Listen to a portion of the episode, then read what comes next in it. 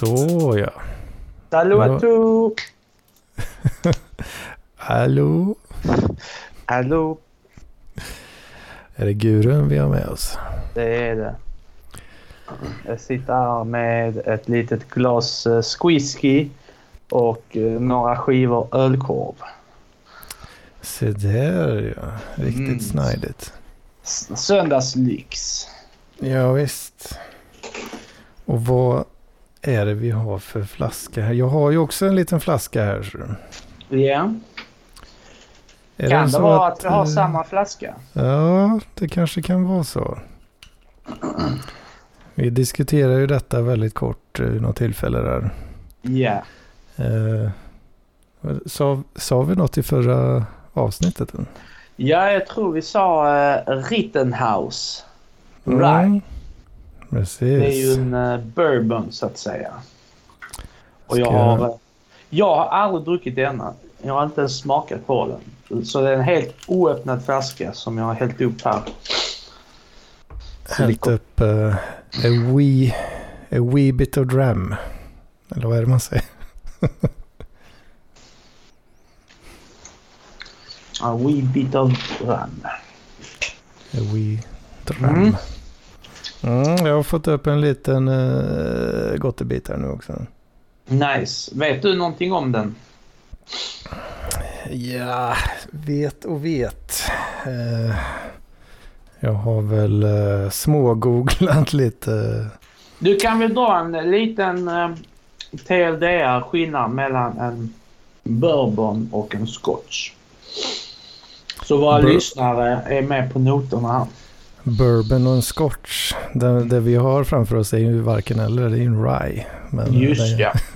Men då kan du ta bourbon, scotch och rye. Skillnaden där sinsemellan. Mm. Eh, ja, eh, det lilla jag vet är väl att eh, alltså bourbon och rye, det enda som skiljer dem emellan är vilka ingredienser man destillerar. Vad Mm. man har i den så kallade mashbillen då. Eh, som kan bestå av eh, flera olika saker. Oftast eh, råg, som i rye då. Majs, Ja. som är corn.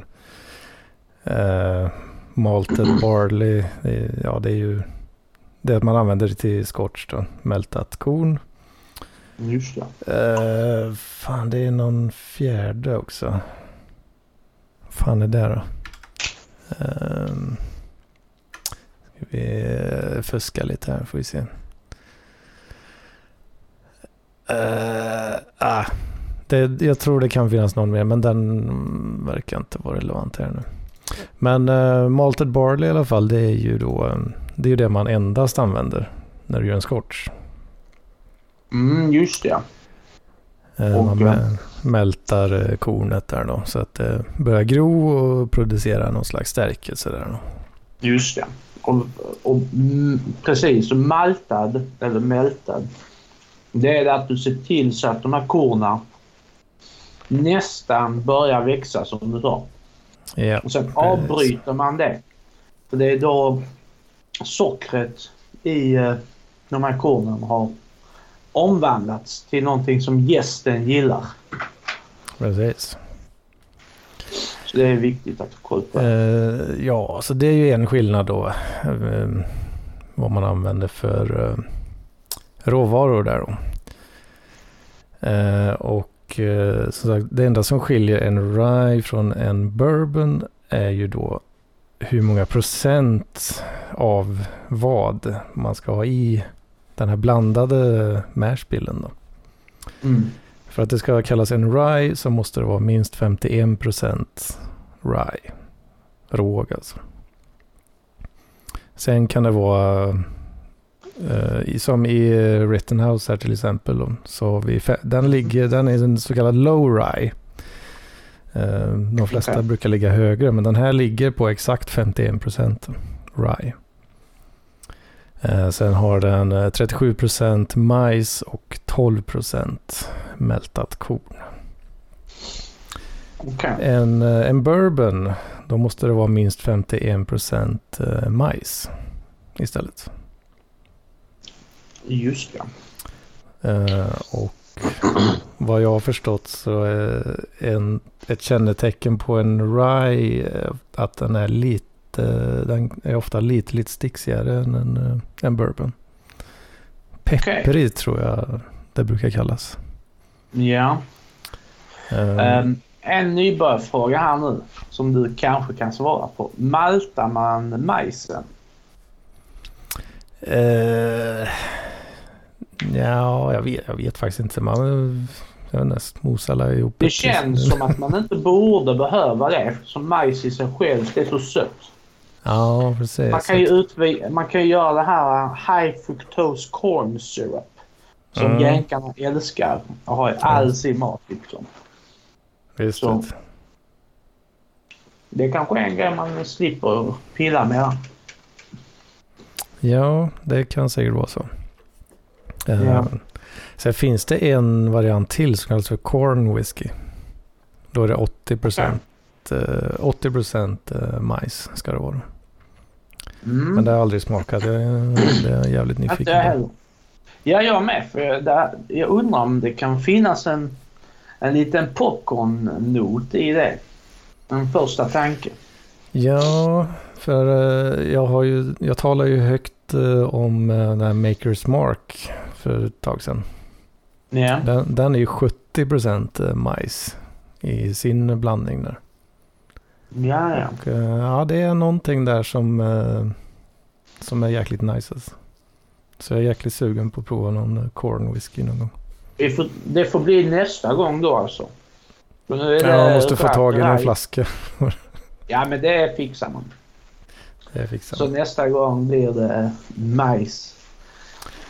Sen en skillnad mellan amerikansk och skotsk till då är ju att eh, jänkarna lagrar endast på eh, såna first fill barrels tror jag det. Alltså oanvända tunnor.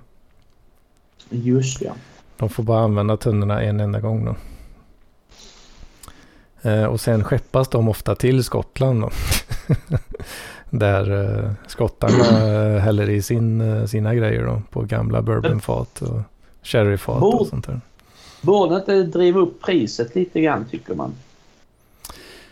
Ja, Eftersom man kan inte återanvända de här tunnorna och hur många sådana tunnor köper skottarna egentligen? Det borde bli alltså Ja, de eh, köper väl en hel del, tror jag. Ja, men eh, om de använder samma tunna hela tiden så eh, jag, kan de bara om, fylla den. Jag vet inte exakt hur mycket de återanvänder samma, kanske samma går sönder, igen och igen. ja. De kanske går sönder hela tiden. Ja, Jag vet faktiskt inte hur ofta de använder samma tunna när de väl har köpt den. Det är mycket möjligt att de använder det ett gäng gånger. Ja. Eh, ja, det är som sagt en skillnad också där då.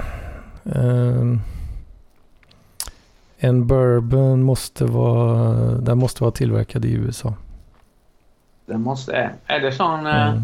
Vad heter den bemärkningen? UESCO. Är det, tänker jag rätt här nu? Eh, jag vet inte. Kanske. Det finns ju sån där... eh, Det som ser till så att champagne kommer från champagne. Och Ja, det precis. finns säkert en massa italienska grejer som bara får göras från en region. Bourbon, eh, bourbon får, det får ju tillverkas vart som helst i USA tekniskt sett. Då. Men eh, 95% är ju Kentucky. Liksom. Just ja. Eh, där själva området bourbon eh, ligger då. ja. Eh, sen finns det ju Jack Daniels eh, är ju, de kallar ju sig själva för Tennessee Whiskey. Just ja. Men eh, re, rent regelmässigt så uppfyller de kraven för en bourbon också. Mm. Men de eh, tycker att Tennessee är lite, lite fräckare då. Så ja. de kör med den eh, märkningen istället. Jag förstår. Sen har vi ju någonting eh, som den här Rittenhausen s- besitter. Som kallas för Bottled in Bond. Okej. Och det var nog, nu är jag inte helt hundra här, jag kan luras kanske, men eh, det är någon sån gammal eh, lag som kom till då för att eh, ful, fulspelare så att säga hällde i massa skit i spriten då. Terare? Ja, men för att dryga ut den och kunna sälja mer då. Jo, jo, precis. Det... Eh, smutsiga bartender som liksom serverade finspriten eh, tidigt på kvällen och ju längre, ju längre kvällen fortlöpte så plockar man fram eh, det riktigt utdrygade skräpet. Åh fy fan. Det... Ja. Så eh, Bottle in Bond innebär att du måste, det får bara vara från ett destilleri från en destilleringssäsong. Uh, och en övervakat av en destillerimästare. Okej. Okay. Och jag vet inte om det fortfarande är så, men i början där så har varit liksom speciella alltså government warehouses. Där du eh, lagrade faten då, i minst eh, fyra år. Okej. Okay. Och sen bottlar man eh, på det här kontrollerade varuhuset. Varuhuset säger man så? Warehouse, lager, lagerlokalen. Mm. Eh, just lagringstider kan man ju diskutera kanske också. Ja, 12 år är väl, eh, är väl en grej inom whiskyvärlden. Ja, skottarna brukar ju... Eh, de brukar ju sällan ligga under 8-10. Eh, Ofta mm. uppåt 12 och gärna 15. Liksom. Ja. Eh, amerikanerna är lite, eh, vad säger man, lite otåligare kan man väl säga. Ja men det är typiskt amerikanerna. Det ska vara McDonalds rakt igenom. För att eh, som på den här Rittenhousen så står det straight rye whisky. Eh, då även straight bourbon eh, ofta då. För att den ska få kallas straight så måste den vara lagrad i två år. Men om den är lagrad två eller, eller om den är lagrad under fyra år. Då måste du ha en, eh, ett H-statement på den. Så en non-H-stated straight bourbon mm. är alltid minst fyra år. Okay. Många är nog kanske ett par år mer än så. Men minst fyra ska det vara. Mm. Och om jag har förstått rätt på alla jävla videos och skit som jag har sett så typ så här 12-15-åriga bourbons är inte nödvändigtvis så jäkla bra. Jaha. Eh, det blir som, för mycket då alltså? För mycket ja, lag. det kan en teori i alla fall är väl att du har så fräscha eller helt nya tunnor då så att eh, piken på lagringen hamnar tidigare liksom än... Ja, det, än, det blir... Precis, det är för mycket... Det, ja, om de är helt fräscha så borde det vara massa sådana här kemikalier från träet Mm. Som uh, kommer mycket tidigare och så. Mycket tanniner som man säger. Exakt, exakt. Så det blir lite för mycket eh, av den varan helt enkelt om den ligger 10-15 år liksom. Mm. Så, så kan det vara. Så kan det vara. Uh, just det, Bottle in Bond är alltid 100 proof också. Vad innebär det? Det vill säga 50 procent eh, alkohol. Då. Okay. Proof är bara dubbelt så mycket som procent. Helt Aha. enkelt. Aha. Och eh, om jag förstod rätt så 100 proof innebär att den är 100 procent eh, säker att kunna antändas. Aha. Du behöver ha 50 procent alkohol för att det ska brinna fint liksom. Ja, ja. Uh, och det var enligt uh, legenderna då så är det någon sån här grej att när du skeppar de tunnorna på båt alltså, och fienden sköt sönder, ja, sköt kanonkulor in i dina whiskytunnor så det läckte ut över ditt eget krut. Ja. Så skulle du fortfarande kunna tända på krutet då. Det är ju praktiskt faktiskt. Så då ville man ha då minst, ja man ville ha whisky som var 100 proof liksom eller mer då. Så att man var säker på att uh, krutet fortfarande skulle gå att tända på liksom, skjuta tillbaka. Det kan ju vara en liten nackdel också om man råkar tända fyr på sina egna whisky-tunnor i båten. Ja, ja, det får man väl se till att inte göra kanske. Men det, ja, det är om, som sagt om det skulle, om, om eh, fienden skjuter sönder dina tunnor så att det läcker ut och blöter ner krutet. Ja, ja. Så, så vill man fortfarande kunna skjuta tillbaka. Ja, det vill man ju. Uh, ja, jag vet inte, är det något mer kul att säga där? Det var en liten lite storytelling då. Mm. Vad Hedman har nördat ner sig i de senaste veckorna. Ja, jag tycker det är intressant. Jag, jag hummar med lite bakgrunden. Nu har vi struten med oss också, hemma från uh, matvarubutiken.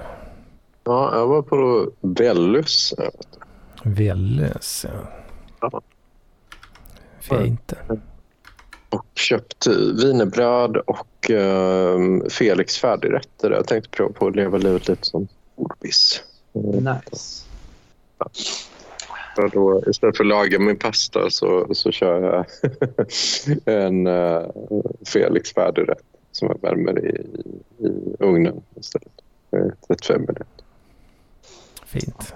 Ja, det, det, jag kommer nog tycka att det känns som bland det knäppaste jag gjort faktiskt.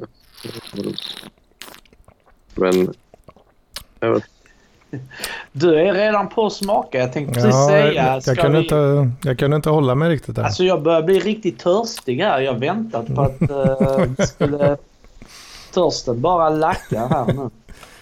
Men då, då tar jag första gången någonsin en Rittenhouse här. Ja. Mm. Vi ser vad du har för uh, känsla på det. Det luktar faktiskt lite lacknafta. Mm. Och lite vanilj. Karamell. Mm. Mm. Lacknafta karamell. Jag, gjorde, jag luktade i själva flaskan förut. Oh, Då fick jag sådana sjuka eh, vad säger jag, noses liksom, nästoner. Mm. Men eh, jag vet inte, mitt jävla glas här, det, jag vet inte om det kanske, ja det, jag, får, jag får också mycket lacknafta. ja, ska vi se här.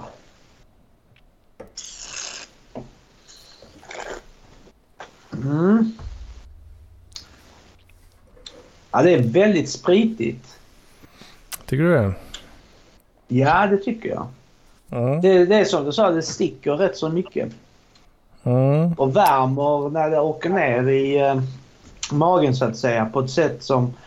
Jag drack rom igår på en bar. Och det var mycket så här eh, snällare mot kroppen så att säga. Det, den här värmen som jag får nu när det trillar ner i magsystemet. Mm. Den fick jag inte alls när jag drack rom igår.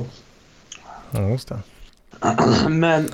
Jag kan tycka det, att det varierar lite. Jag vet inte, det beror på hur det hamnar i munnen på något sätt känns det som. Ja, om, men så är det ju. Om, jag, om man sprider ut den riktigt ordentligt i munnen så då kan det bränna till en del alltså. Ja. Det kan det göra. Men om man typ sväljer ner den ganska snabbt typ. Då kan man få fram lite andra grejer tycker jag. Ja, det är då man... Bypassa eldigheten som man kallar Precis. det. Precis. Men det är ju... Uh, alltså nu när jag tänker på det, det är inte alls så som den whiskyn jag är van vid. Alltså det är ofta så här rökig. Mm. Eller uh, Walker, Johnny Walker typ. Och det är ju lite mer uh, trä så att säga. Detta mm. är ju mer... Uh, ja, karamellvanilj som du sa förra avsnittet. Mm. Men den är, den är betydligt sticksigare jämfört med Makersmarken tycker jag. Alltså. Både att den ja. är lite starkare och, och att det är så pass mycket mer uh, rye då jämfört med corn. Mm. Ja, men jag gillar det. Faktiskt lite grann som... Uh, det är som en... Uh, vad ska man säga? En stickigare Armagnac. Armagnac mm. är ju som konjak fast mycket spritigare. Mm. Och konjak är ju... Det konjak kan likna lite grann whisky i form av att det... det vet hur man ska förklara det men... Det är ju sötare. Men jag men placerar... Det, för det är väl... Eh, se om jag minns rätt nu. Det är väl en, en typ av brandy? Precis. Det gör man på uh, frukter i någon Precis, form. där är det så att mashen är, är resterna av det man gör vin på. Ja, just det. Så ett tips till folk som vill experimentera hemma. Det är att uh, köp en salladsslunga och köper så här ett billigt rödvin. Så det man kan göra är att du tar det här rödvinet, stoppar in i frysen. Mm. Och sen så väntar tills det fryser. Du bryter upp det, rör om, in och fryser det en gång till. Sen bryt upp det och sen stoppa ner det i salladslungan med lite så här sån ostduk. Mm. Och sen så slungar man den isen. Och då separerar du alkoholen från eh, resten av, eh, av innehållet så att säga. Och då får man en eh, brandy liknande grej. Så det är typ som att bränna lite grann. Frysdestillering. Ja, jag tänkte just det är väl detta. Det kallas väl för frysdestillering. Precis. Och de... är väl inte helt lagligt va? Ingen aning, jag tror inte det. Men... Varför är det olagligt? Är det för att, uh... Destillering i stort är väl olagligt hemma. Ja, det är det. Ja, för då, då gör man spriten själv. Så så. Jo. Precis, du får, det... man får inte destillera sprit liksom. Precis. Uh... Men nu ska man inte köpa en salladslunga för det ändamålet. Utan man ska ju köpa det såklart för att göra fina sallader. För att slunga sallader? Precis. Men sen om man råkar trixa till det så att man slungar lite rödvin. Det kan inte jag ta ansvar för men man kan råka göra det av misstag. Det är inget uh, man bör göra. Nej. Men det är, det är ju en skillnad då mellan whisky och uh, bourbon och rye från konjak eller brandy. Det är ju att brandy görs av frukt. Ja, just det. Fan nu när jag druckit några sippar här så. Fan, nu gjorde sig glaset uh, mycket mer. Den fick, uh, fick mycket mer näsa nu alltså. Glaset ja. kom, kom, till sin rätt där. Nej, det, för mig är det tvärtom. Alltså det, men det är för att min näsa är lite fakt. Jag, jag, ja, jag har jävla nässpraysnäsa liksom. Så det går inte att lita på. Men. Nej, alltså jag har ju, jag har ju tränat boxning sedan jag var 14 mm. så den är miss, misshandlad. Men ja, det smakar mer nu i alla fall efter några sippar. Mm. Jag vet inte fan jag ska beskriva den jävla doften. Alltså, jag har ju inte vokabuläret. Alltså. Nej, du får hitta på det. Men det är jag vet inte, någon slags... Eh, alltså smörkola är ju sånt där ord som man ser ofta. Mm. Kan, kan det vara det? Brynat smör. Ja, ja, det kan, kan vara något alltså. Och det luktar lite... Den här lacknafta-grejen, det, det svävar mellan lacknafta och... Om ni någon, och har ni någon gång köpt tennisbollar i ett sånt rör och öppnat den och luktat mm. på de här mm. tennisbollarna så är det en speciell sån lukt. Påminner ja, lite grann om det. Mm. Men den spritiga nacklaftasmaken har försvunnit för mig helt nu. Mm. Nu är det bara godis så att säga. Mm, visst är den uh, jäkligt god alltså? Ja, faktiskt. Det krävs ett par sippar för att man ska komma över... Uh... Komma över spritstyrkan? Ja. Mm. Jag kan tänka mig att det är nice att göra en Irish coffee på. Då blir det väl en American coffee? Mm, jo det kan det nog vara. För det, det är lite bruna smör, mm. här smörbrunta smaken. Det är säkert mm. bra med lite socker och kaffe och grädde till. Mm. Det kan nog funka jävligt bra faktiskt. Ja, det kan, det kan ju vara en grej till din nästa drinkfest. Mm. Visst det. Ja, jag har varit lite för snål för att blanda något på den här. Men, jag vet inte, 500 spänn eh, kostar den ju ändå liksom. Du får, eh, du får avancera på jobbet så... Eh, ja, jag får göra det. det är kul på den här sidan jag hittade någon... Där jag tog de här Mashbill-värdena ifrån. Där. MSRP listar den på 25 dollar. Så att... Oh, fan. Är, man får ju betala lite premium alltså. För att man, eh, den ska fraktas långt och beskattas eh, hårt. Ja, det är en grej som jag eh, fick lära mig nu. För jag köpte 21 olika viner från en hemsida som heter Vinoteket.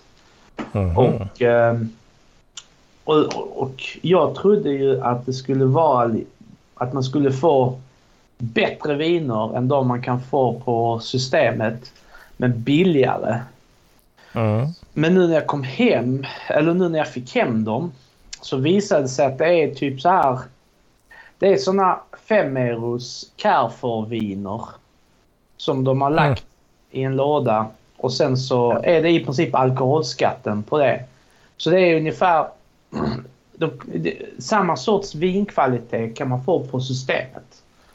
Det, mm. det blir inte så mycket eh, billigare om man köper... Om, om jag hade köpt liknande viner på systemet så hade prislappen varit ungefär detsamma faktiskt. Åh oh, fan.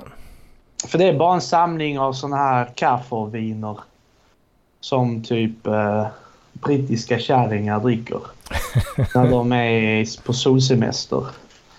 Portvin Nej, utan eh, det är vad de dricker på för att lägga sig. Det här är som de har till lunchsiggen så att säga. De har ätit en böga. Mm. Och ska vara lite kontinentala.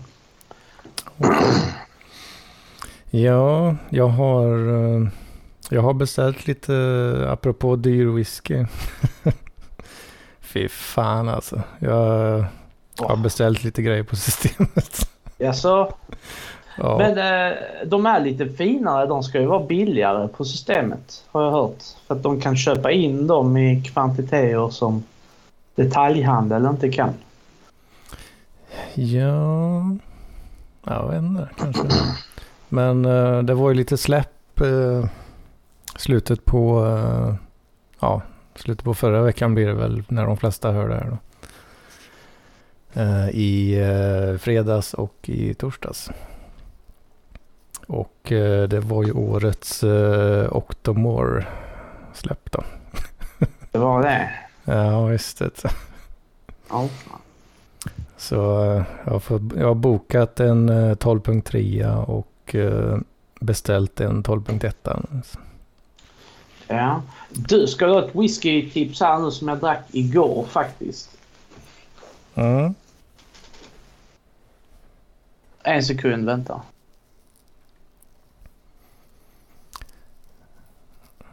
Sen uh, var på lite ölprovning igår. Fy fan. Ah, sådär, ursäkta. Mm. Uh, men, jo, en whisky som heter Djura. Mm. Det den var fan, en, en polare köpt för. överraskande för. bra. Mm. Tyvärr så drack jag, jag fick bara smaka av min polare. Mm, men Jag blev eh, så här eh, överraskad. Speciellt när jag såg vad den kostar på systemet. Mm. Typ så här tre, 300 spänn någonting. Från 70 Jag tror det ja. Inte Och eh, en... den smakade mycket dyrare än så. Det kan vara så att vi hittade fel flaska på systemet. Men vi hoppas på att det var den, för det var riktigt bra faktiskt. För tre, alltså du kommer ju knappt lägre än så liksom. För en 70 Ja. Nej, nej du. På, eh, på mitt jobb då har vi så här att vi samlar alla pantburkar. Ja. Och sen när vi pantar dem så köper vi whisky. Och då finns det, det, det finns eh, ett par som kostar runt minst är 217. Och då köper vi oftast eh, de som ligger där mellan 220 och 217. Men Det det är är absolut lägsta liksom. precis. Och det, det finns, jag har hittat en whisky som faktiskt är som kostar 217. High Commissioner. Hmm. Och den är ändå helt okej för de andra whiskyna. Det finns en som heter King Robert. Den, den är typ eh, färgad eh, vodka i princip. Men den här, den här High Commissioner. Jag tror den kostade sju- 217 eh, för en hel flaska. Och den hade ändå rätt så mycket rökighet för att vara så billig. Så vill man dricka lite rökig whisky på, på budget. Då är det high, high commissioner man ska dricka. 217 kronor. Åh oh, fan. Ja, jag, har köpt ett par gånger en som heter Ayla Mist. Ja. Eh, som är, den är också rätt billig. Det är 200 någonting. Om det kanske är 279 eller någonting. Det är någon slags eh, Ayla blend som de gör då. Som, den är också lite rökig men. Ah, jag vet inte, den, det är ingen. Det är inget monster direkt liksom. Så, Nej, nej. nej. eh, Men det, det, det, det, jag kan rekommendera det. Att samla ihop alla pantburkar på jobben där man jobbar. Och sen köpa kontorswhisky för pengarna. ja. ja, jag vet inte om... eh, jag tror inte det hade funkat så bra för mig. Men, Nej. Men eh, ja, det finns ett litet urval där. 200 kronors whiskys. mm, ja, fy fan. Det kommer bli svettigt att behöva betala för den jävla Octomorsen. Alltså. Oh, ja. Ja, jag vet inte om jag vågar säga. Det går ju att kolla upp ganska lätt om man vill veta hur dyra de är. Då, men... Du behöver inte skryta inför oss alla. Nej, fy fan alltså.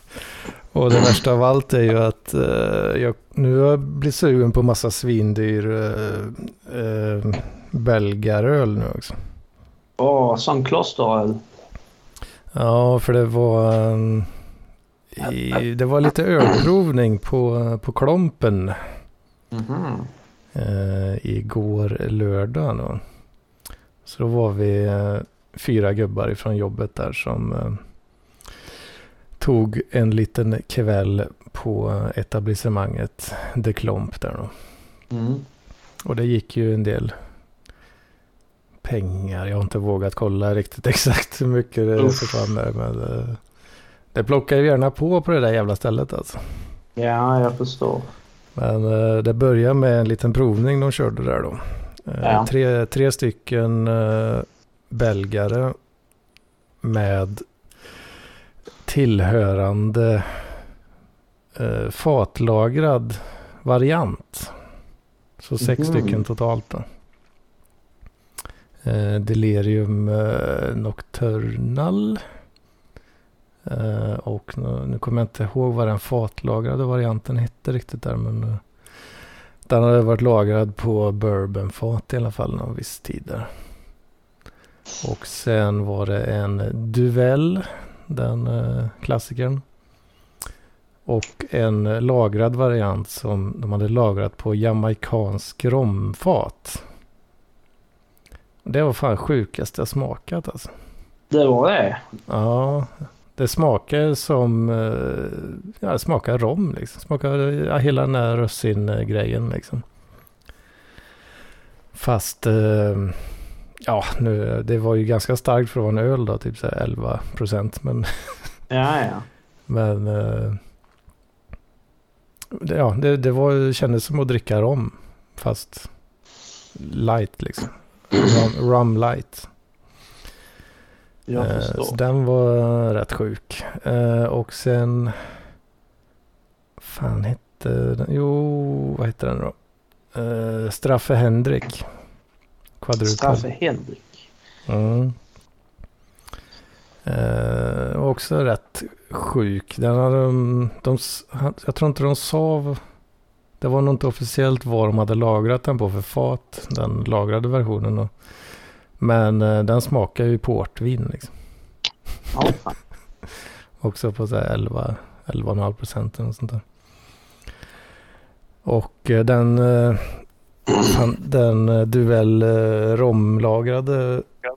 Den, jag försökte söka på den på systemet men det fanns inte ett jävla spår. Liksom. Mm. Uh, däremot uh, Straffe Henrik uh, Heritage tror jag de kallar den, lagrade. Den uh, kommer släppas den 18 februari nu tydligen. Så det blir man ju rätt så sugen då. Fan, du vet. 209 spänn för... Kostar 209 spänn för en, eh, en 75 då. Åh fy fan. Ska du ha ett tips här på en riktigt bra belgare som är lite billigare. Mm. Då ska du köpa en som heter Säsong 1858. Mm. Mm. Den är riktigt bra. 6,4 procent, kostar 60 spänn. Det kommer i en sån här uh, glasflaska. Men uh, på franska kallar man det för bouchon. Det vill säga en champagnekork. Så du kan puff, ploppa upp den när du öppnar ölen. Ja, just det. Lite festligt och så om man ska bjuda folk. Men den ja, är... Precis, den är det kommer ju de här lagrade på också. Kommer med sån yeah. lite festlig flaska. Liksom. Ja, men den är riktigt god. Men det, det är mycket så här aprikos och frukt och väldigt brödig också. Det är mm. en av mina favoritölar överlag alltså. Oh, Så det är bara att köpa. Just det. Fem av fem, sol fem av fem solar. Bara köp. Fem av fem solar. Eller hur? Måste ha artikelnumret på Systembolaget också. För Just det, fan. Total ja, eh, Bengt Frithiofsson-imitation. Var hittar man artikelnumret här? Jag har den här från Nummer 1586. Bara kör. Fem av fem kjolar. Artikelnummer 1586. Varför kan man säga så? Vad sa du struten? Varför ska man säga så med lite så tillgjord röst? Jag fattar. Det är ju Bengt Frithiofsson, han pratar ju så. Jaha, ja okej. Okay, okay. En gammal legend bland oss alkoholkonsumenter. Ja. han, han var väl typ... Ja, han var väl den första folkkära alkoholiserade gubben. Ja, han rekommenderade viner i TV4 Nyhetsmorgon. Grejen med han är att vi alla har ju en sån gubbe som vi känner. Det, men samtidigt så var det ju kul att se samma sorts gubbe i tv-rutan. Det var ju ja. det som gjorde honom lite så här folkkär. Att vi alla har någon farbror eller någonting som... Allting ja, jag vet inte om jag har det riktigt kanske men eh, ja, jag kan... Eh, jag är med på vad du menar. Ja. Men eh, Struten, hur går det med eh, Tetrapack-projektet? Ja, jag har kommit till, till nästa intervju. Så jag, får, jag ska på intervju på torsdag. Så det. Ja. Eh, via, ja. via datorn. Då. Så ska jag sätta intervjun. Ja. Det är något konstigt med intervju. Är du nervös? Uh, ja, jag har varit väldigt nervös men jag, jag går ju något sånt uh, trevligt program nu då för, för att få in mig i arbete och då, då, mm. då ringde jag och frågade om lite om det och då fick jag prata med en coach som coachar Aha. mig för, för några dagar sedan. Så att, uh, ja, se, se, till att inte lukta illa på intervjun, menar han då. det, det är ändå bra tips. Ja, det är bra tips. Sa de det eh, alltså?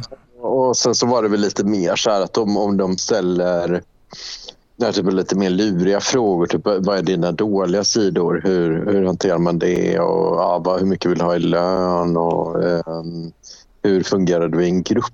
Och, och sådana här saker. Liksom. Och då har jag väl ja, förberett mig lite mer på det. Liksom.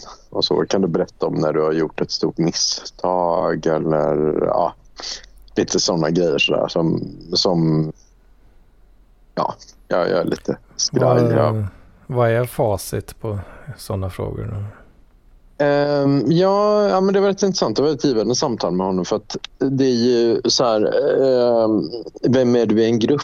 Det är en fråga man ställer lite för att Ja, det finns ju en del som är så strikta ledartyper och så finns det strikta, liksom, någon som är så strikt slav. Ordinat liksom. Eh, och så finns det de som vill, i första hand vill ha det trevligt ja, för alla. Och så här, liksom. och så då, I och med att jag, jag vill sen umgås med någon som har några sådana väldigt accentuerade personlighetsdrag så, så är det väl en lite konstig fråga. Liksom, beskriva sig själv med den gruppen. Mm. Alltså det är, en sån, det är en sån grej som egentligen ingen kan svara på själv utan det är bara tredje part som kan på ett ärligt sätt uh, utge den informationen. Ja, ja precis. Jag, jag, jag kan inte avgöra det. Jag, jag har jättesvårt att avgöra vilken roll jag tar i en grupp. Jag, jag, jag brukar säga så att jag är väl någonstans mitt emellan, antar jag. Mm. Eller någonting. Och sånt, ja, kan, uh, sånt kan variera så himla hårt på vilken grupp man är i också. Ja, det, ja. Så är det ju också med olika kompisgäng. Alltså, vissa kompisgäng är man ju en personlighet, en annan en helt annan. Så, mm. Uh, och, och det, det, kan ju vara så på ett jobb. Då kanske du är en uh, riktig sån ledare för person, personkemin i gruppen.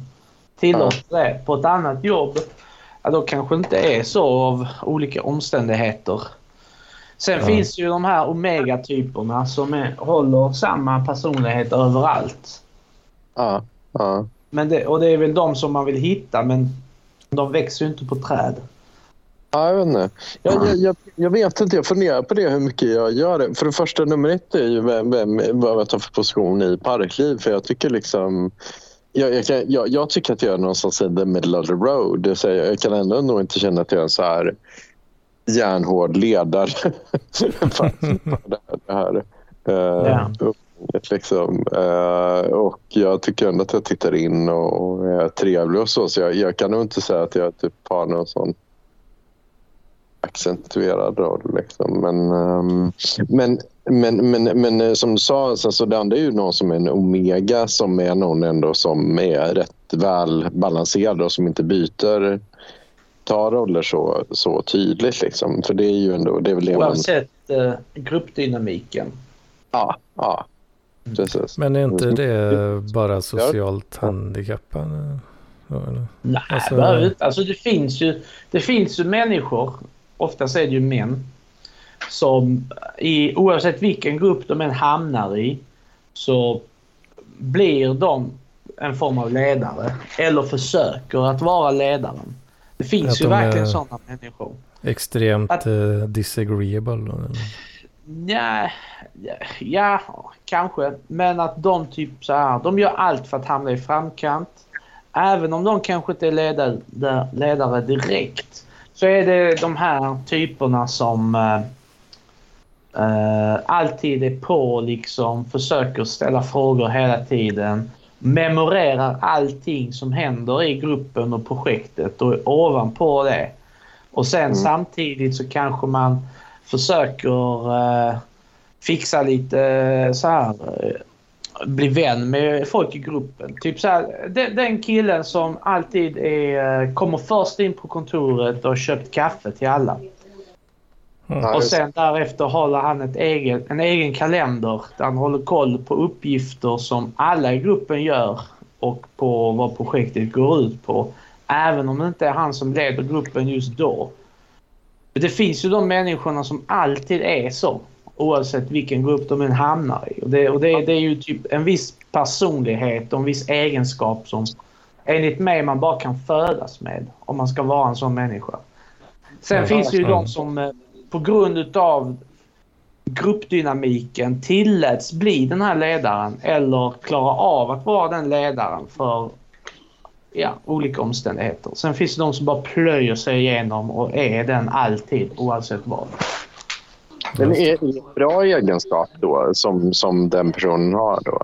Eller ja. Jag tycker att det är, det är ju det som alla karriärister ska alltså sträva efter att bli. Eller att vara en sån människa egentligen. Ja. Ja. Det är ju det ja, som lönar sig mest också. Ja, om man ska klättra högt liksom. Precis. Mm. Och, och, och, det är ju också en, en viktig grej liksom att, eh, så här, sträva, att göra. Även om du inte är gruppledaren. Försök mm. fejka att du är det. Håll en kalender. Ha ett Excelblad där du brutit ner gruppdynamiken. Ha ett Excelblad med anteckningar på alla i gruppen så att säga. Så du håller koll på vad de gör, vilka det är och sådana grejer och vara där tidigt alltid. Och samtidigt bygga upp lite så här social interaktion. Köp kaffe, köp lite fikabröd. Var den som så startar ett möte kring någonting som kan vara viktigt men som ingen annan har tänkt på att detta behöver vi ett möte på. Mm. Sådana grejer. Ja, jo, jo, jo, men det är ju så. Och det är precis, för det är ju så som många som har lyckats när varit i så här, typ offentlig sektor och liknande eller mindre företag. Uh, då, då, då skulle jag säga att den strategin är väldigt effektiv. Men jag vet inte om den, om den funkar i sig större för, företag mm. eller och så, alltså som, om vi säger som Tetra Pak om det skulle funka där? Ja, jag skulle säga att det funkar överallt. Bara det att det kräver kanske mer arbete och tar längre tid beroende på vad det är. Mm. Ja. Och det är det som, det är det som sållar ut eh, ledarna ur flocken. Det är att de som verkligen är, har det i sig. De gör detta oavsett vad. De, de, de tänker inte på, är det, oh shit, det är Tetra Pak, ett stort företag. Det kanske inte är så optimalt utan de bara gör det. Och ja. äh, kör på liksom. Ja, jag vet inte. Jag, jag, jag, tror att jag är lite sådär äh, ja och nej liksom. Uh, det, det, känns som den här strategin har funkat i offentlig sektor eller mindre företag, någon som beter sig så. Men, men jag, jag, jag tänker ju ändå att uh, ja, Intressant i alla fall. Du har nog rätt i det att en del är nog mer lagd åt det hållet att ta den typen av position per, ja. per mission. För en, liksom. grej, en grej man, får, man, man inte får glömma är att om du inte har detta i dig, alltså i din essens som person, då krävs ja. det extremt mycket disciplin och engagemang och energi av dig för att göra detta varje dag. Så, och det är ju inte alla som mm. pallar med det.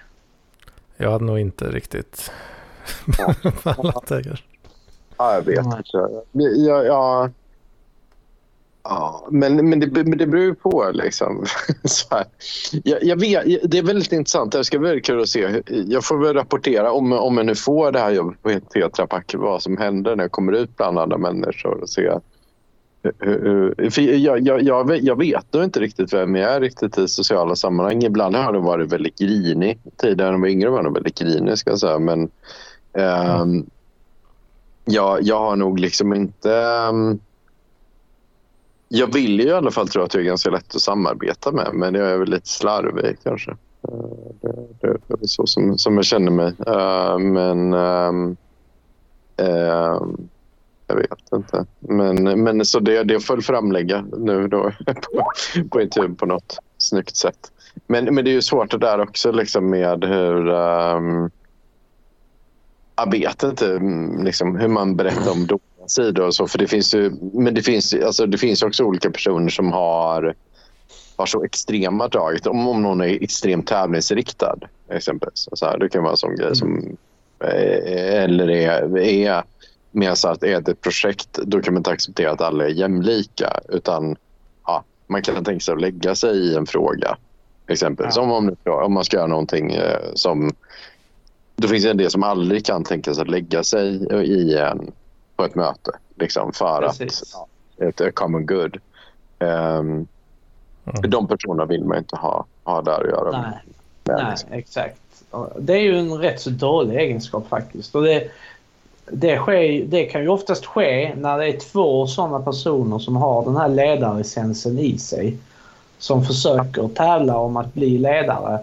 Men ja. de är li, ungefär lika starka eller den ena är lite starkare än den andra men inte tillräckligt. Det är då ja. man oftast hamnar i de uh, sitserna så att säga. Ja. Och, det är, och det är där, det är där, i de situationerna som den riktiga ledaren måste se till att tygla dessa människor och se till så att de hamnar på sin plats. Ja. ja.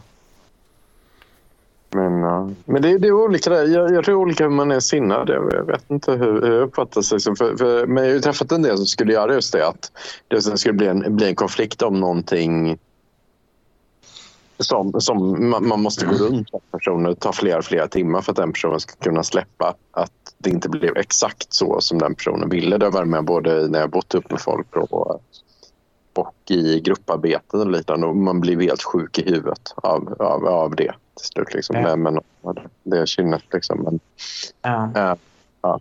Men den, den, personen vill man inte vara heller. Grejen är så att det är sällan de personerna inser detta. Det är det. Ja, det är ju det. det, är ju det.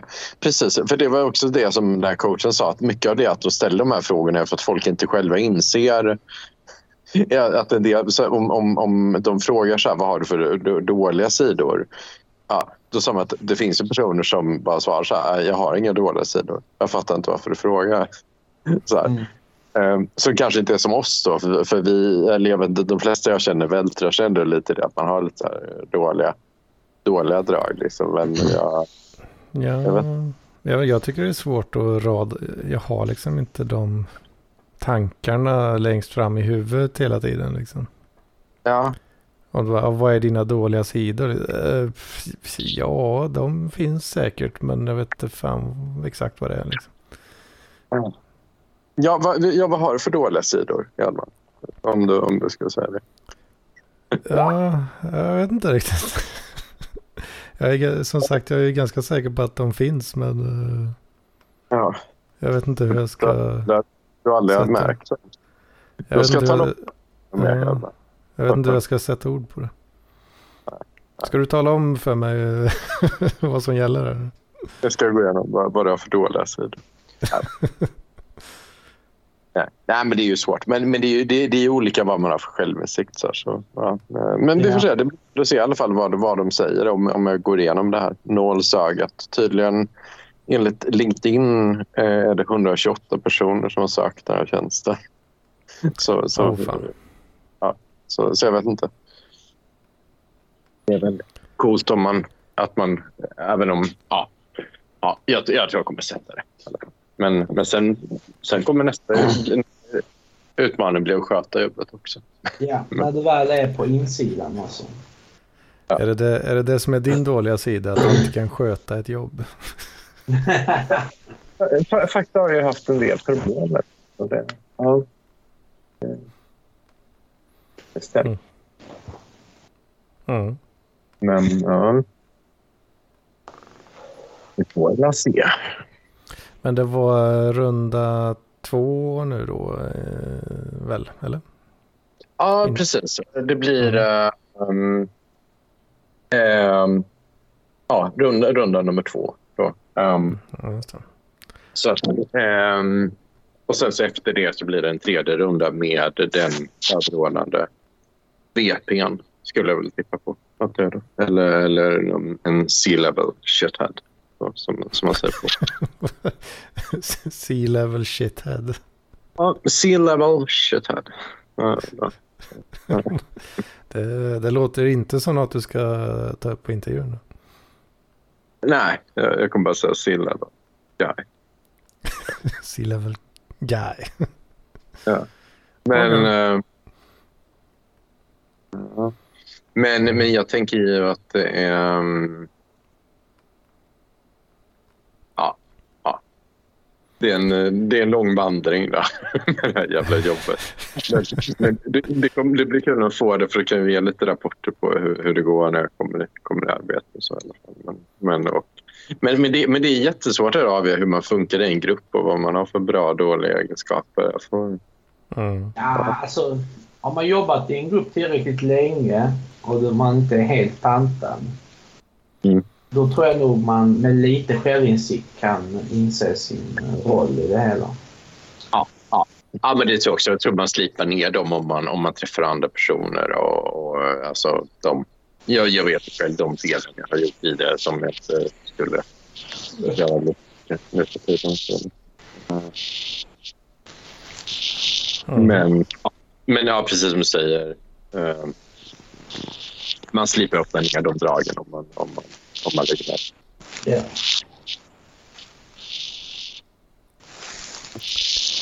Så då, då blir det corporate life. Corporate lifestyle för dig. Ja, det blir det. det, blir det. Hur känns det? Ja, det, det är lite blandat så. Det är, ju, det, det är några månader kvar så jag kan gå runt och även, lägga bautamöten och sjuka. Ja. med, med, med liksom så kaffe på tröjan och, göra så cocktails. Göra så här, riktigt så här grist ungkarlsliv. Och göra cocktails med typ så här, vitamin C-piller och, och ja, så och gamla, min sån klassiska söndagscocktail det är ju en Berocca, en Resorb, två Treo och ett uh, sån magnesiumbrusstablett. och eh, om det är riktigt illa så tar jag två Alvedon också och så i ett stort glas och så får alla de brustabletterna brusa till sig. Och sen sveper man Fan, du super mycket alltså Tord. Eller ursäkta. Nej det, nej, det kan jag inte tycka att jag gör. Men uh, man har ju varit på fester. Ja, man har här. Mm. Man har festat en del. Ja. ja, det är fint. Mm. Men, ja, nej, men, det, men det är väl lite så kocko det där att gå in i corporate-livet. Jag har lite problem med det för att jag... Mm, det får ju se. Alltså du får ja. helt enkelt bygga upp och romant alltså, romantisera det livet nu. Ja. Så ja. du ser fram emot det. För det finns en viss romans i, ja. i eh, det här corporate-livet. Det, ja. Och det, det är ju någonting som mycket etablissemanget romantiserar väldigt mycket utav, av förklarliga skäl. Så att säga. Det är därför vi har så här tv-serier, The Office, uh, olika uh, filmer om uh, mannen som kämpar i det korporativa kugghjulet och massa sådana. Det finns ju hur mycket kultur som helst som uh, skönmålar det livet i mm. både gott och ont så att säga. Jag har ju provat ja. det tycker inte om det livet hittills så jättemycket. Men jag vet inte, just det här... Um, jag säger så här... Som, som Jan Niklas Gaston sa, är det party så är det party. Det vill säga, ska det vara corporate så ska det vara corporate. Liksom. Alltså, då ska det ändå vara ett stort företag och att, att man kan unna sig gå dit i kostym och eh, göra en skillnad. Ja. Eh, då, Ja, Tetra Pak är ju uppenbarligen en ganska stor player så att när man gör grejer där och har möten. Det är som när de har förklarat den här satsningen med sättet deras Tetras vd har ju varit inne på att kolla på det här. Liksom. Så, ja, det har ju lite mer kanske betydelse än typ, reklampengar. Eller, eller för mig, i min värld har det lite mer då än, än om man skulle sitta och typ Ja, eller som, som i The Office, att de får kontorsmaterial och så här, liksom. Ehm, eh, um, ja. mm jag tror att jag, jag kan sätta lite större värde på, på det här.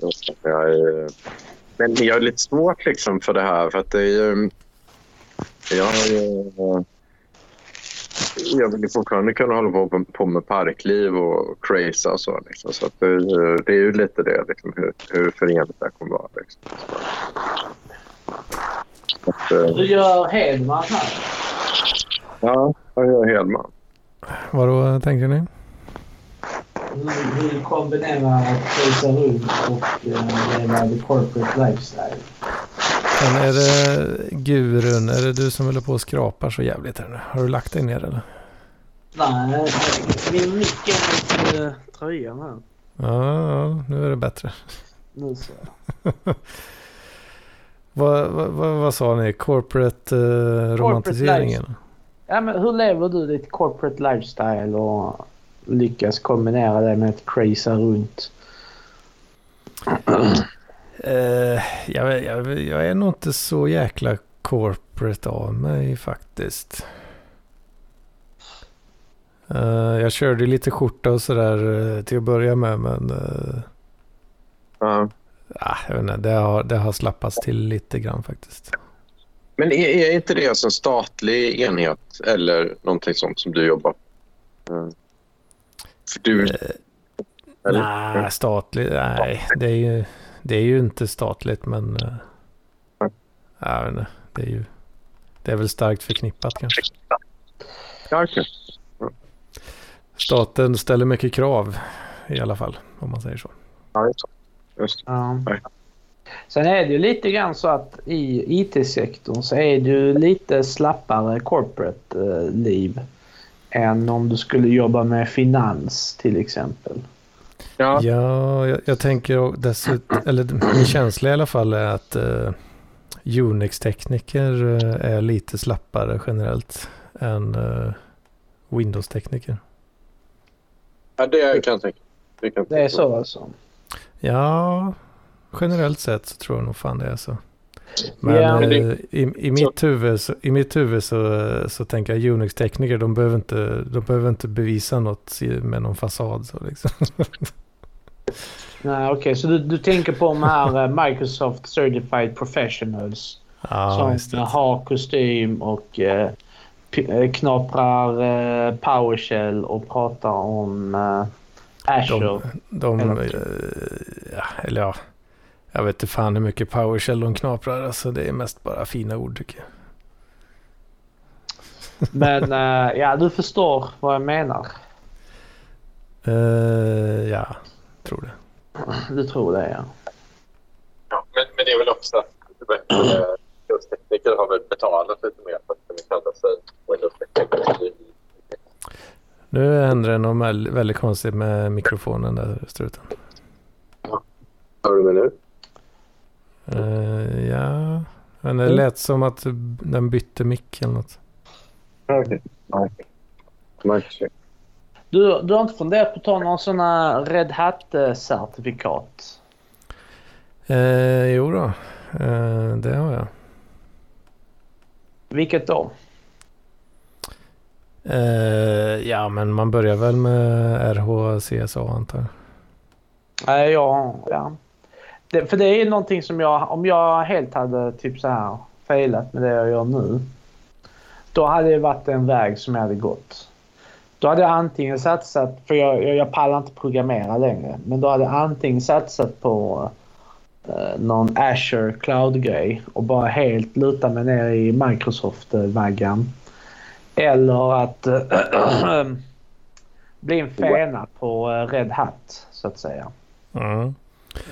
Jo, jag är inne på Red Hat-spåret där ganska mycket faktiskt. Um, de har ju någon sån här vi har ju med konsultbolaget så här partnerprogram och grejer.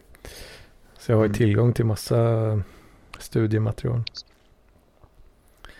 Eh, så finns, det finns något som de kallar för eh, akkrediteringar. Som är väl typ, ah, det är inte riktigt lika mycket respekt som eh, en certifiering men det är ju den riktningen liksom. Jag förstår. Eh, så jag har, fan är det jag har hittills? Jag har fyra, fyra akkrediteringar hittills tror jag. Åh fan, en, eh, inom uh, Red Hat? Ja. Okay. Och en uh, femte på gång också. Ja, ja. Så det är lite, ja, lite studiematerial, svara på lite så quizar och grejer, göra lite labbar i, sådär, i deras miljöer. Så får man ett det, litet eh, diplom sen kan man skriva Vad ut. är det viktigaste man eh, bör kunna inom uh, Red Hat administration då? Jag skulle vilja tippa på typ Ansible, konfigurationsstyrning och typ Satellite. Mm. Provisionering och repository management och sådär. Ja, fan. Tror ja. jag i alla fall. Ja, det är ju eh. sällan nu man sätter upp en server genom att logga in på den och installera en massa grejer. Allting mm. är ju uh, automatiserat. Sen har du ju uh, OpenShift och de där grejerna också. Då. Om du Just vill det. köra, det är väl Kubernetes? Ingen aning. Tror jag väl. Uh, om man vill gå den vägen också. Mm. Jo då, så det har jag allt pluggat på lite där. Fått lite fina papper som jag skrivit ut och hängt upp på... Uh, vid, Din korporativa uh, vägg. Jajamän, på, vid korpdesken liksom. Ja men det är fint. Det är det, det, är det du ska göra sen struten. Ja, det är frågan om. Jag, jag, jag ska med på att sitta... Varje gång eh, någon kommer förbi så att säga då, och ställer sig bakom mig liksom och ja, ska fråga något eller sådär. Så det första de ser är då, ja jag har hängt upp tre av dem då. Så står det, ja, Red Hat Accredited Professional liksom. tre stycken A4 bredvid varandra liksom. Oh, Lite så subtle uh, rags liksom. Ja, ja. Nej, så det är jävligt fint faktiskt att ha tillgång till det där partnerprogrammet. Ja, det kan jag tänka mig. Jäkligt smutt. Sen tror jag väl att jag kan få ett eh, RHCSA-prov inbokat. Eh, om jag frågar efter den liksom. Mm. Har du klarat det nu? Eh, jag tror det. Okay. Um, jag är inte helt hundra på exakt vart nivån ligger men uh, jag tror nog jag hade klarat den. Ja okej. Okay. Det är ju nice om, om det är så. Jag tror inte jag hade gjort det. Jag hade nog behövt lite infield experience med just uh, Red Hat då. Mm. Ja, alltså det jag hade velat göra är väl att kanske gå någon...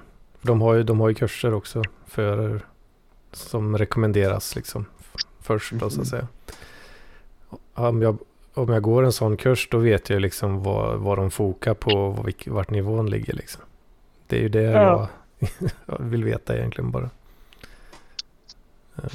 Ja, jag förstår. Sen hade jag nog klarat det rätt fint tror jag. Um. Jo, det har sett. Ja. Hur, ska du inte dra Hedmans vecka nu då? Ja, jag tänker att vi nästan fick med det redan. Fått med det redan. Jaha.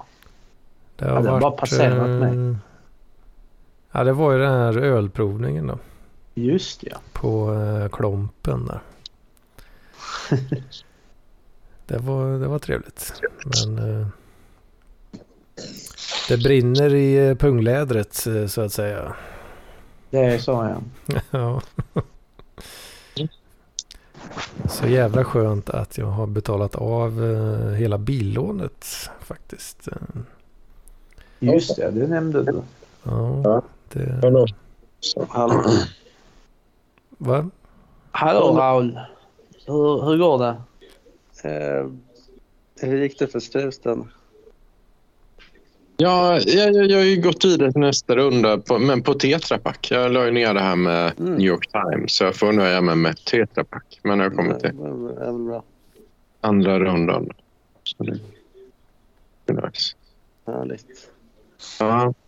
Vad, vad, vad har du för förhållande till det du, du, med ditt, med ditt efternamn? Har du någon, någon åsikt om rousing och så i förhållande till din egen Ja, Jag ska bara kolla det. Ja. Kollar på tv nu så. Åh fan. Vad är det på tvn du kollar på? Hej. Okej. Hej, hej. Och en snabb visit eh, för att kolla strut, struten update. Strut. Update on the strut. Ja, ja. Men, men det är ju lite intressant här. Um, jo, jag, jag hade en, en tråd jag ville prata om lite som jag Mm. på bort. Men det är ju Lampis. Um, Just det. Och vi ska väl inte prata om Lampis nu hoppas jag. Nej, vi måste prata med Lampis. Ja. Ja. ja, exakt. exakt. Lyssna nu noga Lampis. Men jo, i, i klubben där ju eh, Gurun är med. Just det. Eh, där eh, har ju Lampis nu lagt, gjort ett väldigt knasigt inlägg då. Eh, där han säger att nu verkar det som att tydligen är det någon som har sponsrat lite avsnitt då. Um, en okänd sponsor. Och, och då står det också då att eh, Gurun skulle kunna tänka sig att spendera. Ja. Det vet inte var han har fått det ifrån. Kanske stämmer det, kanske inte. Eh, men då, då säger jag så här, vilka framtida poddinspelningar skulle han kunna förverkliga? Mm. Ehm, och, och den, han är ju alltså eh, ja, gurun. Då. Eh, och då har jag skrivit så här. Ja, ja, med, med snygga storylines, jump cuts och flera olika karaktärer. Gärna gränslandet mellan fiktion och verklighet. Det är så här, jag vill alltså ha bra, snygga produktioner som når upp till typ, ja, eh, en riktig nivå. Liksom, med, med bra klippning och eh, och sådär. Liksom. Ehm, och, Jag vet inte om jag hänger med riktigt. Här. Vad är det vi pratar om egentligen? ja, Lampis tigger pengar och, och han undrar att vad, vad, vad kan jag göra för att få pengar och vilka produktioner skulle ni kunna tänka er att betala Ja, för? Ja, men det är en frågeställning om vad folk kan tänka sig att betala för. Så att, Ja, i princip. Och då säger jag ju här, jag, jag säger så här, HBO-produktioner fast i radioformat. Ge mig. Liksom. Ja. Vi Då- tänker någon slags eh, miljonbudget. ja, eller väldigt, väldigt bra skrivna och klippta avsnitt. Man behöver ju ingen miljonbudget för att göra välskriptade och välproducerade poddavsnitt. Men man kanske behöver nå- ett par duktiga tusenlappar för Ja, det. ja, det är det. det, är det. Och en bra poddröst så att säga. Mm. Men... ja, jo, jo, men han, han är ju duktig, alltså, Lampan. Men, men jag vet inte vilka, vilka teman som var skoj. För jag hade gärna velat ha någonting där man följde tre, fyra personer under en lite längre tidsperiod och spelade in och sen så återkom det och så vidare. Mm. Ja. Vad, vad säger du? Problemet... Det, det, jag, jag, jag tycker... Det finns ju bara... Lamp, Lampinen kan ju bara göra Lampinen-saker. Och Ja. det han behöver eh, för att det ska bli bra Lampinen-saker är ju eh, rätt person att göra Lampinen-saker med. Ja, ja. Och eh, ex, exempel på det, det var ju när han och eh, Robert och Katarina Janouch satt och pratade i en bil. Det var ju riktigt bra content faktiskt. ja, ja. Eh, Sådana saker. Man måste liksom sätta han i rätt miljö med rätt personer och sen bara låta banden rulla så att säga. ja. Det är det som är liksom konsten med att eh, göra content alla Lampis. Mm, mm. Och att få till det, det kan ju vara rätt så svårt och det känns som att det blir svårare med tiden. Mm. Uh, I och med för att, eh, ja, världen springer ifrån honom på något vis. Ja, Om inte han ja. kan springa ikapp. Mm, jag vet fan. Jag vet fan.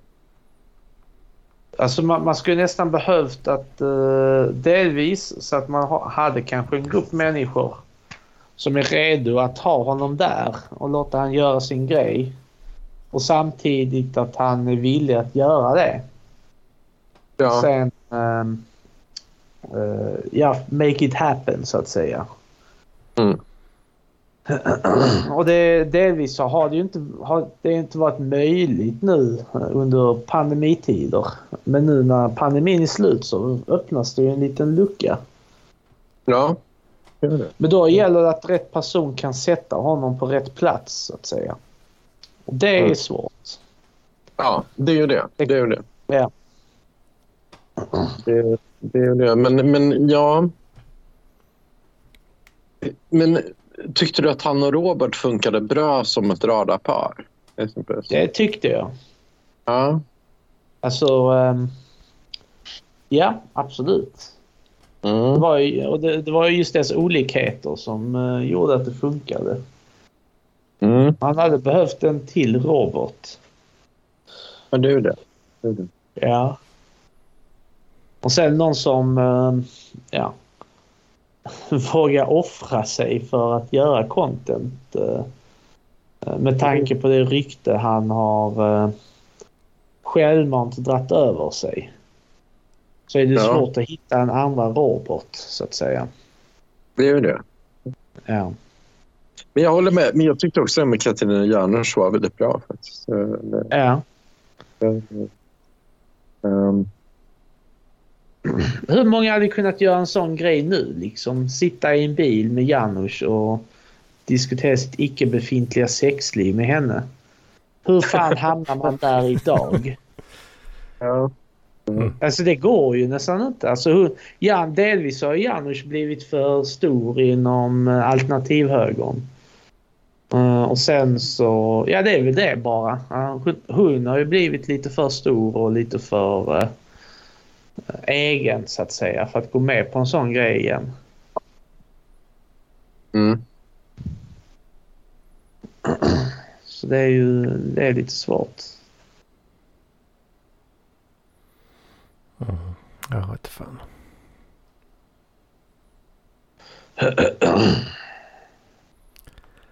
Ett, en idé hade ju varit om man lyckades övertala någon form av sån här studentkår att, uh, att ha han där med en, en sån här mikrofon och låta han gå omkring på en sån studentkorridorsfest och se vad som händer. Det tror jag hade varit rätt så överkomligt och det hade kunnat vara intressant. Mondo Lampis. Ja, precis. precis. Ja, men det, det, det kan jag se framför mig. Um, eller för, för jag, jag, tycker ändå Lampes är väldigt bra på att liksom skildra och dokumentera andra personer med att hans egna idéer eller liksom hans egna manifest de är inte så jättespännande. Och sådär. Men um, jag skulle ändå se... Det, det, jag, jag, jag tänker mer att det hade varit kul om, om och Lampus följde en grupp, ja, precis som du säger, följde en grupp under en längre tid. Liksom. Och, uh, mm, som jag tyckte Dokusåpa-podden var väldigt bra. Det var, nu var jag med själv då. Men, men, mm. en, en grej som är lite wild out men som ändå är plausible. Det är om man hittar en sån här estetisk gymnasieelev som ska göra ett eh, sista projekt i trean. Ja. Och, och sen bara låta det projektet vara eh, Daniel Lampinen bara. Och sen bara låta dessa två människor spela in en massa grejer som, som sitt mm, slutliga konstprov. Nu skrapar du micken igen. Ja. Men fick ni, fick ni, ni, ni hörde det jag sa alltså? Ja, ja. Det, ja. Det, det hade inte varit omöjligt att få till det och det hade kunnat bli en spännande grej. Mm. Mm. mm.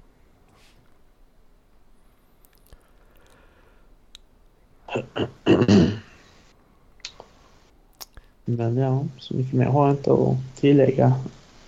Ja, jo, nej, men, nej, bra grej. Bra grej. Jag, jag, jag tror också att... Ja, men jag skulle nog säga ändå... Fan, Lampis kommer in och skildrar ett antal personer un, under lite längre tid. Som, ungefär som Werner Herzog eller någonting. Att, att han följer ett fenomen eller någonting under en, en typ...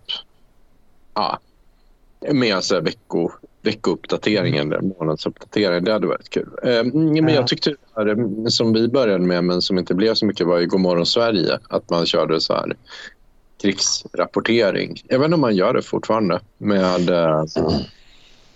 Alltså en grej om, eh, om man har mycket pengar kan, och om man vill uh, offra dem för kulturen. Det är ju helt enkelt bara att köpa ett par Burning Man-biljetter till Lampinen. Ja, just han dit. Oj, oj, oj. Där lär det ju mm. finnas gott om uh, saker för honom att sätta, hugga tänderna i. Ja, ja jävlar. Där är du helt rätt ute. Uh, det är exakt hans place to be. Ja, det är det verkligen. verkligen. Um, men det finns ju, det hade varit kul. Jag, jag hade gärna åkt på den, den uh, vad heter det?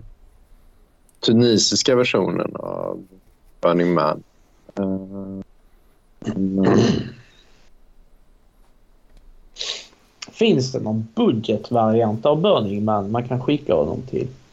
Ja, men det, det, finns ju, det finns ju två festivaler i England som liknar det så mycket och en i Tunisien som är ja, det är billigare att åka dit. Ja, och det går ju säkert att få någon akkreditering också. Kan jag tänka. Uh, det, ja. det, där ska jag kolla upp. För det, det hade varit kul att dra dit och kanske då... Ja, men ha, för det är också en sån halvidé jag haft då när Gud vill och väl tillåta och dra, ett, liksom, dra på någon av de här participatory festivals och sen ha ett parklivar-camp. Liksom, så som man, mm. ja, men, men det är ett gäng som sitter där och verkligen är där för att grisa. Liksom, ja. Mm. Bara grisa. Ja. Men det, ja, jag ska tänka vidare på detta och kanske mejla lampan himself. Ja, alltså jag hade helst velat se honom i typ så här uh, cyberpunk ökendress mitt i den här alkaliska öken i Kalifornien. Ja. ja. Och se han, hur han, vad han gör där borta i de olika konstinstallationerna och uh, galna amerikanare. Ja, exakt. exakt. Ja, exakt. Och, de, ja, Fan, det där, det var varit väldigt bra idé.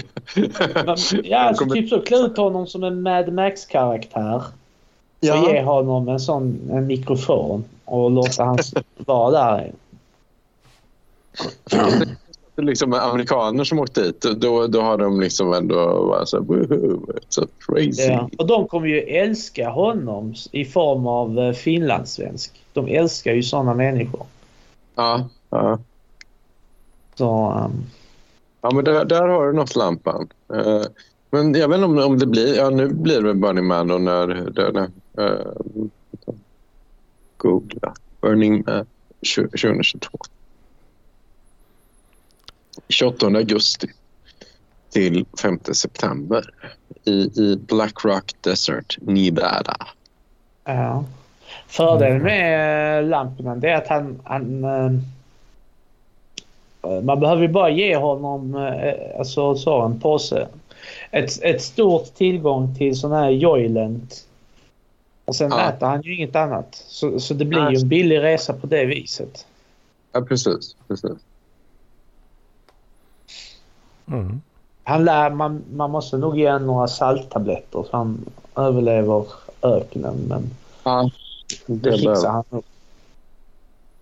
Men fan, det, det var faktiskt en väldigt bra idé. Då, um, Gudrun. Men, men jag tänker att Burning Man... Nu kommer det nog vara extra uppeppat uh, om, om det efter covid-19. Liksom, för nu har mm. inte det kunnat köra. Ja. Det måste finnas en budgetvariant i Spanien eller någonting sånt där. Ja, men det, det finns... Nu kommer jag inte ihåg vad den heter, men det finns en här Boom Festival i Portugal som är typ mm. liten. Hur känner du till känner till det. Nej, alltså jag har för mig att det ska finnas någonting liknande på Ibiza. På en Ja. strand. Ah, okej. Mm. Men eh, jag tror att det inte är riktigt lika utflippat. Alltså ju, eh, det, som är, det som är roligt med Burning Man det är att det är andra konstnärliga människor där. Ja, ja. Alltså fan vad kostar en biljett till Burning Man? Jag funderar också på det nu. Man kanske kan göra en Kickstarter. ja, ja. Ja, men det hade varit kul. Just att, för, för, i min hjärna, och även jag, jag tror som Gugge Jonsson exempelvis som brukar vara, så är det också en kul grej nu i och med att det är amerikaner som är där. Att, för, Ja. för jag kan tänka mig att de har, de har ju lite annan crazy-kultur än, än svenskar har. Att de är mer så här, woohoo, look at me, Ja. I'm doing this and this. Eh, Sådär, att, de, att, att de har nog det behovet av, av att få flippa mer på ett annat sätt. Liksom, så här, än, som är lite, det, det är lite annat. Så, här, att de, så, här. Så det hade faktiskt varit jävligt roligt när jag tänker efter. Men, men ehm, ehm, man ska ju hitta, få flyg. Jag vet inte, ja, det kostade 6 000 står det här. Eller 575 dollar. Inte- För en uh, entrébiljett. Ja, ja. Men sen måste man ha tält och... eh, Fan, det är en slant ändå alltså. Mm, men jag Det- tänker mig att han har inte han tält och det andra. Ska man ha flygbiljett och sen ska man ha liksom visum och allt. Så att det är nog, det blir nog ändå 25 000 eller någonting. Ja, det är lite mycket pengar tyvärr. Det är rätt mycket. Ja. Men eh, Vi startar en GoFundMe. Ja, en GoFundMe eller någon rik jävel som eh, vill sponsra. För det är en briljant idé alltså. ja. Lampan på Burning Man 2022. ja. Eller 2023. Mm. Mm. Ja. Se hur lång tid det tar att få ihop 25 000. Ja. Det.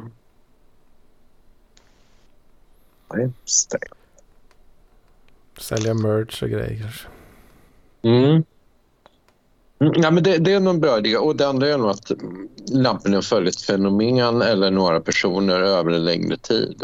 Um, för jag tänkte en tanke ut skulle vara man skulle ändå kunna ha lampis om... Jag skulle kunna se honom som någon straight man i typ motsvarande Seinfeld eller typ Vänner eller någonting. Att, kunna ha, att det var ungefär som en sitcom där Lampis var en av karaktärerna. Liksom. Mm. Med andra personer som kommer in och ut hela tiden. Mm. Som smäller i dörrar och Ja, ja, Kramer. Smäller Mm. upp dörren. Liksom. ja. ja men det funkar ändå väldigt bra med Robert. Man följer ändå Roberts liv och tar lite nya grejer och så här. Med, men de, ja, så jag vet inte. Det hade varit kul om... Men det kan ju vara, ja jag vet inte. Man, man kan få in... Jag får ta och lyssna lite på den senaste produktion för att han gör ju rätt mycket så här ganska långa reportage nu om, om mig och lille Marcus och Johannes Ingelsson och så här. Ja. Mm. Är det ni som är de här karaktärerna redan då? Det kanske är det. Det kanske är det, fast Ja. vi inte fattar det. Ja, jag vet. ja. Det är det att se sig själv utifrån. Liksom. vem, Det- vem, För fan struten, det är ju du som är Kramer. Ja, det är jag som är Kramer. Ja. Smäll, Ja. smäller upp eh, dörren till eh, folks öron när de lyssnar på poddar. Ja, ja, det har vi faktiskt gjort några gånger. Hallå guys. Hallå grabbar. Ja. Är det gött att leva? Ja. Ja. Ja, fan det kanske redan är verklighet bara att du eh, inte såg den. Ja, ja, det kanske är så. Inte. ja, livet som sitcom. Så... Just det. Ja, fan jag börjar bli lite trött där nu. Vad säger ni gubbar? Ja, Ja, jag har, Jag har inte så Ja. mycket mer att dra upp. Men kör Nej, inte heller. Inte heller. Det var bra, bra snack ändå tycker jag. Ja, Och absolut. snacka lite goda drycker. och Ja. Sen zonar jag Men vi, eh, vi tar en, eh, annan, eh, en annan dryck nästa gång tycker jag också. Mm. Det är frågan Så kan vad vi det snack- ska vara då. Ja, jag tycker att vi gör så här. Vi snackas vid och Mm. eh, sen överraskar vi nästa vecka med vad det är för någonting. Det kan vi göra. Så har de som lyssnar någonting att längta efter och se fram emot. Precis. Det låter skoj. Ja, Det blir en av Europas många cliffhangers. exakt. Fan vad nice. Ja, är det, det är väl bara att komma med något förslag eh, när du känner för det där gurun.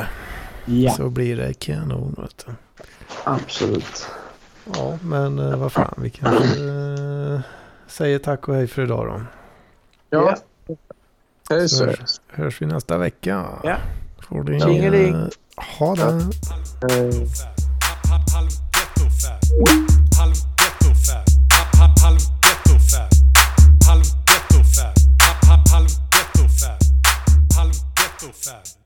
Hollow Death